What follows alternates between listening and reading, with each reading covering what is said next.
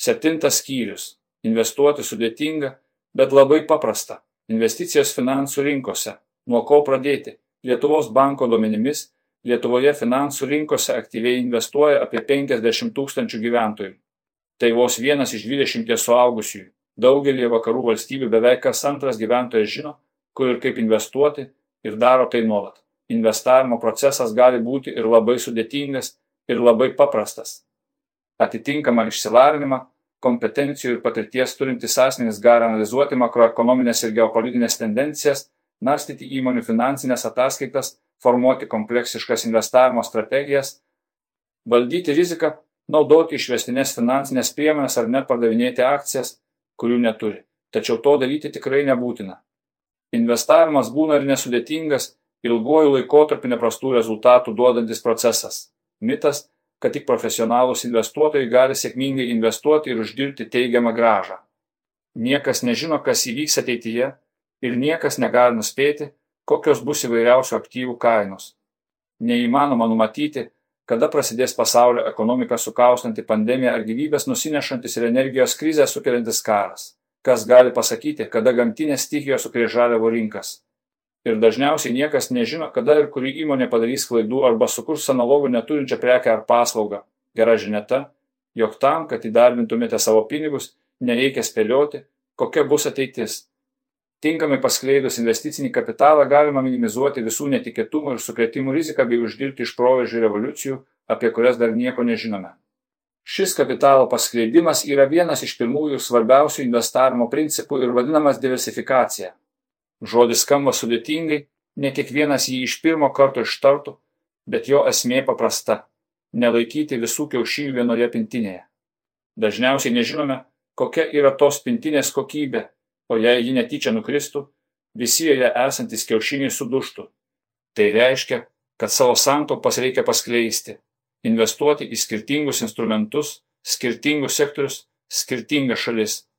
Logika čia paprasta. Negalime tiksliai nuspėti, kurioms įmonėms, sektoriams ar valstybėms seksis geriau, todėl savo pinigus įdarbiname įvairiose srityse. Deja, praktika rodo, kad pradedantieji investuotojai kartais įsimylė vieną turto klasę ar įmonę ir visą santaupas nukreipia ten. Kartais pasiseka, bet dažniausiai ne. Pavyzdžiui, pastaraisiais metais jauni investuotojai nesidairė į senas, nuobodžias kelių procentų dividendų gražą galinčias pasiūlyti įmonės. Jų dėmesį ir pinigus dažniausiai pritraukia įtin greitai augančios, daug žadančios nors kol kas gal dar nieko neuždirbančios įmonės arba apskritai potencialiai revoliuciniai aktyvai - kriptovaliutos. Kurį laiką tai atrodė puikus sprendimas, bet 2022 metais pradėjus skilti palūkanoms, būtent šios investicijos nukraujavo labiausiai - akcijos ir obligacijos. Yra dvi plačios vertybinių popierių klasės - akcijos ir obligacijos. Obligacijos yra skolos instrumentas, iš esmė leidžiantis investuotojui paskolinti savo santaupas valstybei arba įmonei už iš anksto žinomas palūkanų normas. Tai beveik kaip indėlis banke, kai iš karto esi informuojamas, kokių palūkanų gali tikėtis indėlio terminui pasibaigus. Obligacijų rizika šiek tiek didesnė, bet indėliai iki 100 tūkstančių eurų yra apdrausti, net jei finansinė institucija nesugebėtų jų gražinti. Juos gražintų valstybė viešoji įstaiga indėlių ir investicijų draudimas jokių garantijų, kad obligacijas išleidusi valstybė ar jo lapymonė pinigus gražins, nėra. Tačiau tokia jų bankroto ir pinigų negrįžimo rizika dažniausiai yra maža, nebent skolinama dažnai bankrutuojančioms valstybėms arba žemo kredito reitingo įmonėms. Tačiau maža rizika reiškia, kad maža ir tikėtina graža, daugelio eurozonos valstybių obligacijų paimingumas, kitaip tariant, mokamos palūkanos siekia vos kelis procentus per metus o pastarąjį dešimtmetį apskritai ilgai buvo artimas nuliui. Beje, čia paminėtinas auksinis dėsnis, kurio reikėtų nepamiršti. Su labai retomis išimtimis, kurių greičiausiai gyvenime nerasime, rizika ir graža visada žengia kojo kojum. Bet kas, kas sako žinantis, kaip uždirbti didelį pelną minimaliai rizikuojant, arba yra sukčius, arba pats jau tapo sukčių auka. Plačiausia ir populiariausia turto klasė yra akcijos. Lietuvos banko duomenimis Lietuvių investicijos į akciją sudaro apie 55 procentus visų investicijų, apie 30 procentų investuota į fondus ir apie 15 procentų į obligacijas. nusipirkęs įmonės akcijų investuotojas tampa vienu iš jo savininkų ir įgyja teisę gauti dalį jos uždirbamo pelno. Uždirbtas pelnas akcininkus gali pasiekti įmonį išmokant dividendus arba išleidžiant naujas akcijas ir padalyjant jas esamiems akcininkams. Yra daugybė dešimtmečius veikiančių įmonių, kurios užima tam tikrą rinkos dalį, gauna stabilias pajamas, uždirba pelno ir nuolat tą pelną paskirsto savo akcininkams. Tokių įmonių akcijos vadinamos dividendinėmis akcijomis. Jų privalumas tas, kad jos dažniausiai siūlo stabilę, paprastai didesnė nei obligacijų palūkanos, bet negarantuota dividendų gražą. Stabiliai uždirbtas pelnas išdalyjamas investuotojams, kai vadovybė išvelgia mažai galimybių ar nemato poreikio uždirbtus pinigus skirti plėtrai ir tyrimams. Todėl tokių akcijų savininkai rečiau gali tikėtis, kad šios įmonės sparčiai auks ir dėl to atitinkamai kils jų akcijų kaina. Tačiau nebūtinai pelningai dirbanti įmonė tą pelną kiekvienais metais paskirstys akcininkams. Sparčiai auganti įmonė pelną gali investuoti į naujas gamyklas, naujų rinkų užėmimą, į tyrimus ir taip padidinti ateities pajamų bei pelno potencialą. Tokių įmonių akcijos vadinamos augimo akcijomis. Rizika investuojant į akcijas yra didesnė, nes nėra jokių garantijų, kad pelnas bus uždirbtas ir kad investuotojas gaus jo dalį. Be to, tais retais, bet nemaloniais atvejais, kai įmonė bankrutuoja, jos likęs turtas išparduodamas ir pirmiausia atgauti pinigų gali tikėtis tik kreditoriai, obligacijų savininkai ir tik paskui akcininkai. Pastariesiems įmonės bankroto atveju dažniausiai nieko nelieka - fondai ir biržoje prekiaujamų fondų vienetai. Žinoma, norint identifikuoti potencialias įmonės, į kurių akcijas ketiname investuoti, reikia analizuoti jų finansinės ataskaitas, skaičiuoti ir lyginti įmonių veiklos efektyvumo, mokumo, pelningumo rodiklius. Vertinti jų pokytį ir ateities potencialą. Tačiau neturintiesiems tam laiko, noro ar kompetencijų siūloma gerų alternatyvų - tai investiciniai ir biržoje prekiaujami fondai. Čia pasirinkimo spektras platus. Galima rinktis fondą, kuris investuoja tik į, pavyzdžiui, farmacijos įmonės, arba fondą, investuojant tik į Kinijos arba kurių nors kitų besivystančių rinkų akcijas. Yra fondų, investuojančių tik į vakarų valstybių dividendinės akcijas ar tik į patikimiausias aukščiausią kredito reitingą turinčių įmonių arba valstybių obligacijas. Galiausiai, nenorintieji rinkti sektoriaus ar pasaulio regiono gali investuoti į, pavyzdžiui, pasaulio akcijų fondus. Tokių fondų valdytojai analizuoja įmonių finansinės ataskaitas vertina perspektyvas ir pagal iš anksto užsibrėžtus tikslus ir kriterijus atrenka akcijas ar obligacijas, į kurias investuos. Kitaip tariant, atlieka visą juodą darbą. Žinoma, už tokią paslaugą reikia mokėti. Daugelis fondų taiko apie 1 procentą siekiantį metinį turto valdymo paslaugos mokestį. Vis dėlto fondų valdytojai, nors ir savo srities profesionalai, nėra visažiniai, nenumato ateities ir gali daryti klaidų. Tačiau jau pats fondo valdymo principas kai investicijos paskleidžiamos per daugelį įmonių, sektorių ir rinkų, reiškia, kad pavienių klaidų ar nemalonių netikėtumų kaina yra minimizuojama. Nepasitikintieji fondų valdytojais ar nenorintieji mokėti turto valdymo mokesčių gali rinktis biržoje prekiaujamų fondų vienetus. Ten dažniausiai valdymo mokesčiai būna simboliniai, tačiau ir nebandoma identifikuoti kokių nors unikalių rinkos vidurkį pralenkiančių galimybių.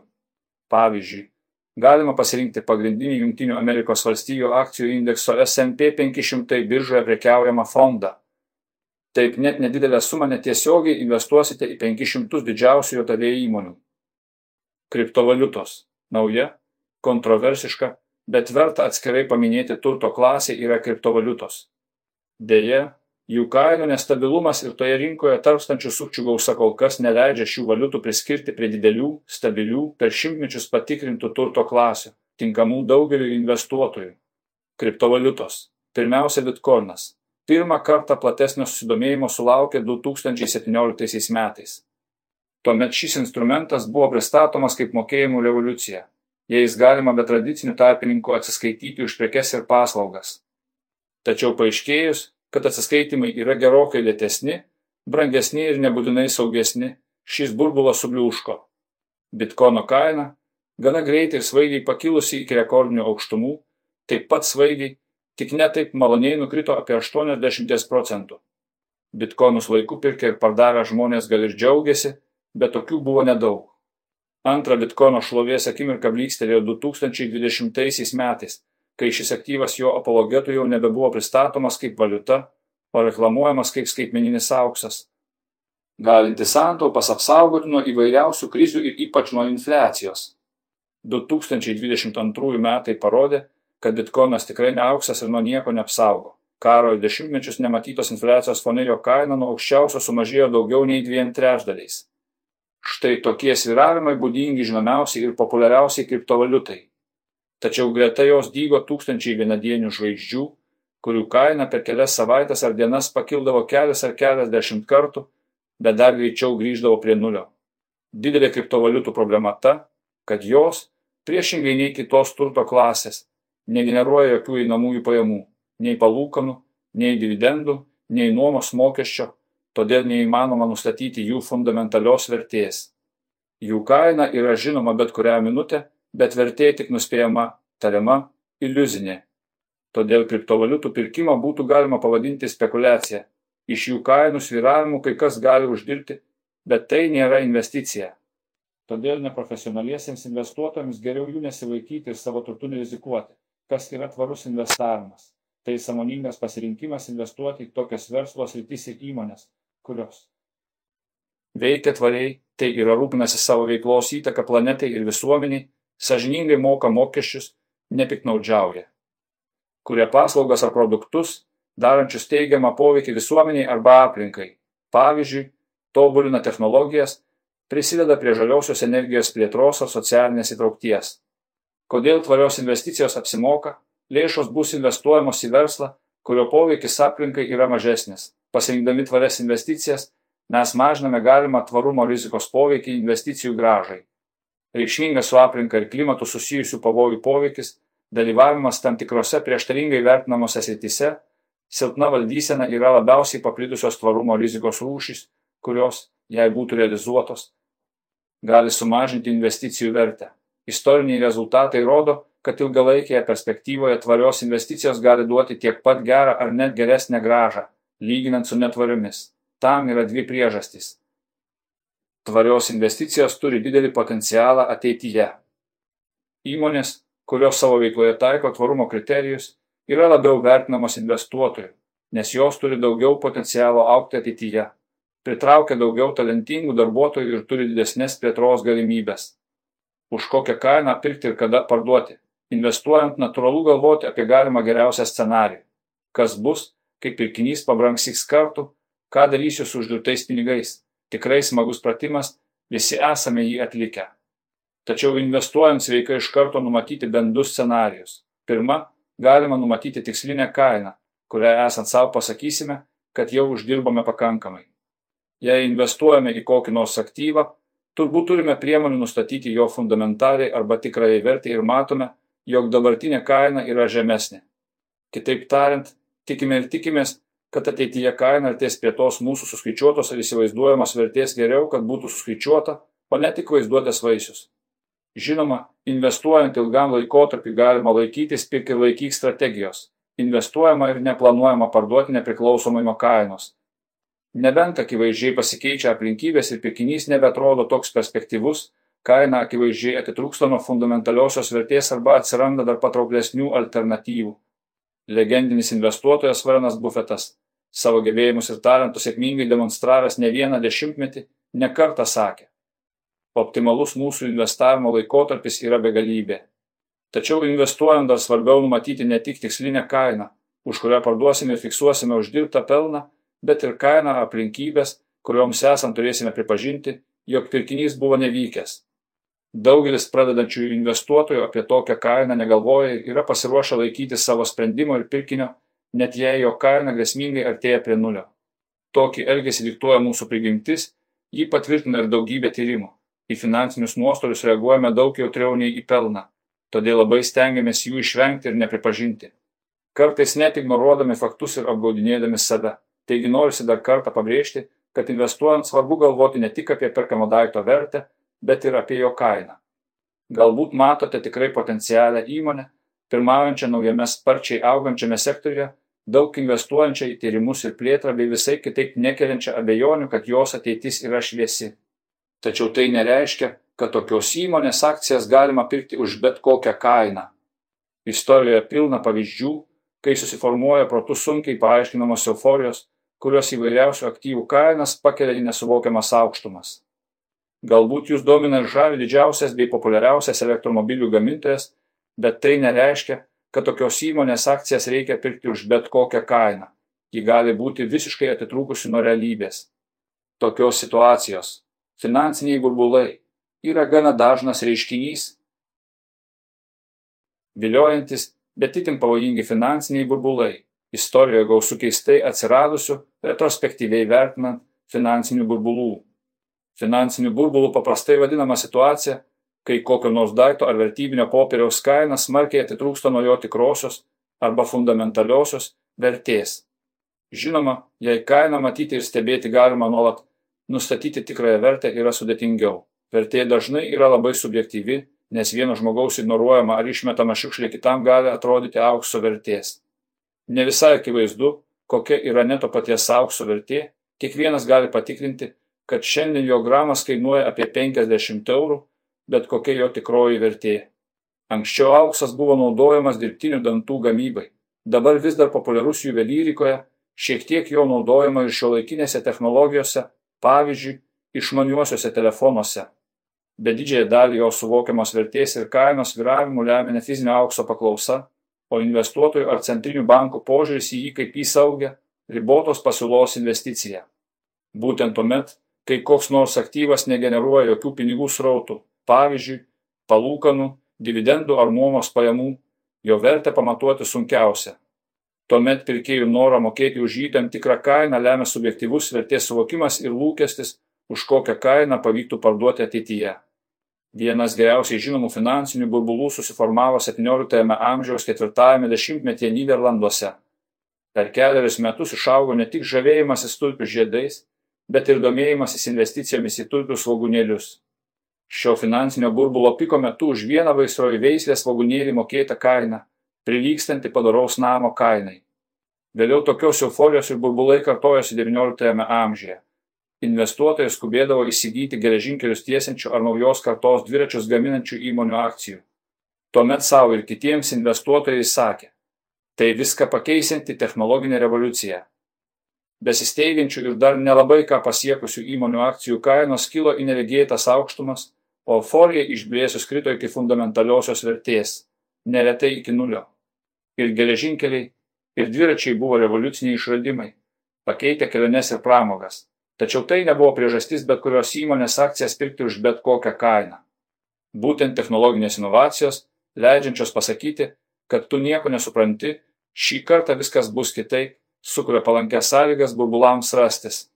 O jei greta eina politinės paskatos, pavyzdžiui, mokestinės lengvatos, žemos palūkanos ir lengvas investicijos prieinamumas plačiosioms masėms, tuomet turime visus svarbiausius ingredientus dideliam burbului išpūsti. Pastaraisiais metais daugelį finansų rinkų buvo galima išvelgti burbulo bruožų. Ilgą laiką turėjome istoriškai žemas palūkanų normas, galimybės investuoti prieinamos kiekvienam, tai reikia iš kišenės įsitraukti išmanų į telefoną. Be to, yra ir nemažai emocijų kurstančių technologinių inovacijų, proveržių nuo blokų grandinės, galinčios padėti sukurti alternatyves mokėjimo priemonės iki beveik savaigių elektromobilių. 2022 m. pradžioje Junktinėse Amerikos valstijose biržose prekiaujamų įmonių akcijos kainavo vidutiniškai 40 kartų daugiau nei per metus jų uždirbamas pelnas. Šis rodiklis buvo daugiau kaip dvigubai didesnis nei istorinis vidurkis ir praeitie didesnis buvo tik vieną kartą prieš technologinių akcijų burbulo sprogimą šio amžiaus pradžioje. Tai nereiškia, kad visos akcijos buvo pervertintos, tačiau žavintis elektromobiliais reikėtų prisiminti geležinkelių ir dviračių manijos istorijas. Išaugus infliacijai ir pakilus palūkanų normam šis burbulas pradėjo greitai bliūkšti. Euforijos ir manijos susidaro įvairiose vietose dėl įvairių priežasčių, bet anksčiau ar vėliau visos jos baigėsi vienodai. Kodėl nieko nepasimokome iš praeities burbulų ir klaidų, viena priežastis yra psichologinė. Visais laikais žmonės viliojo mintis greitai praturtėti prieimus protingą investicinį sprendimą. Noras ypač sustiprėjo matant žmogų, kuris tokiu būdu jau praturtėjo. Tačiau reikia turėti omenyje, kad iškiausi pavyzdžiai nėra dažniausiai, juk niekas nekalbina ir neaukština tų, kurie investuodami viską prarado. Bet to negali pamatyti burbulo būdamas jo viduje, kaip sakė lietuvių kilmės Nobelio premijos laureatas Robertas Jotšileris.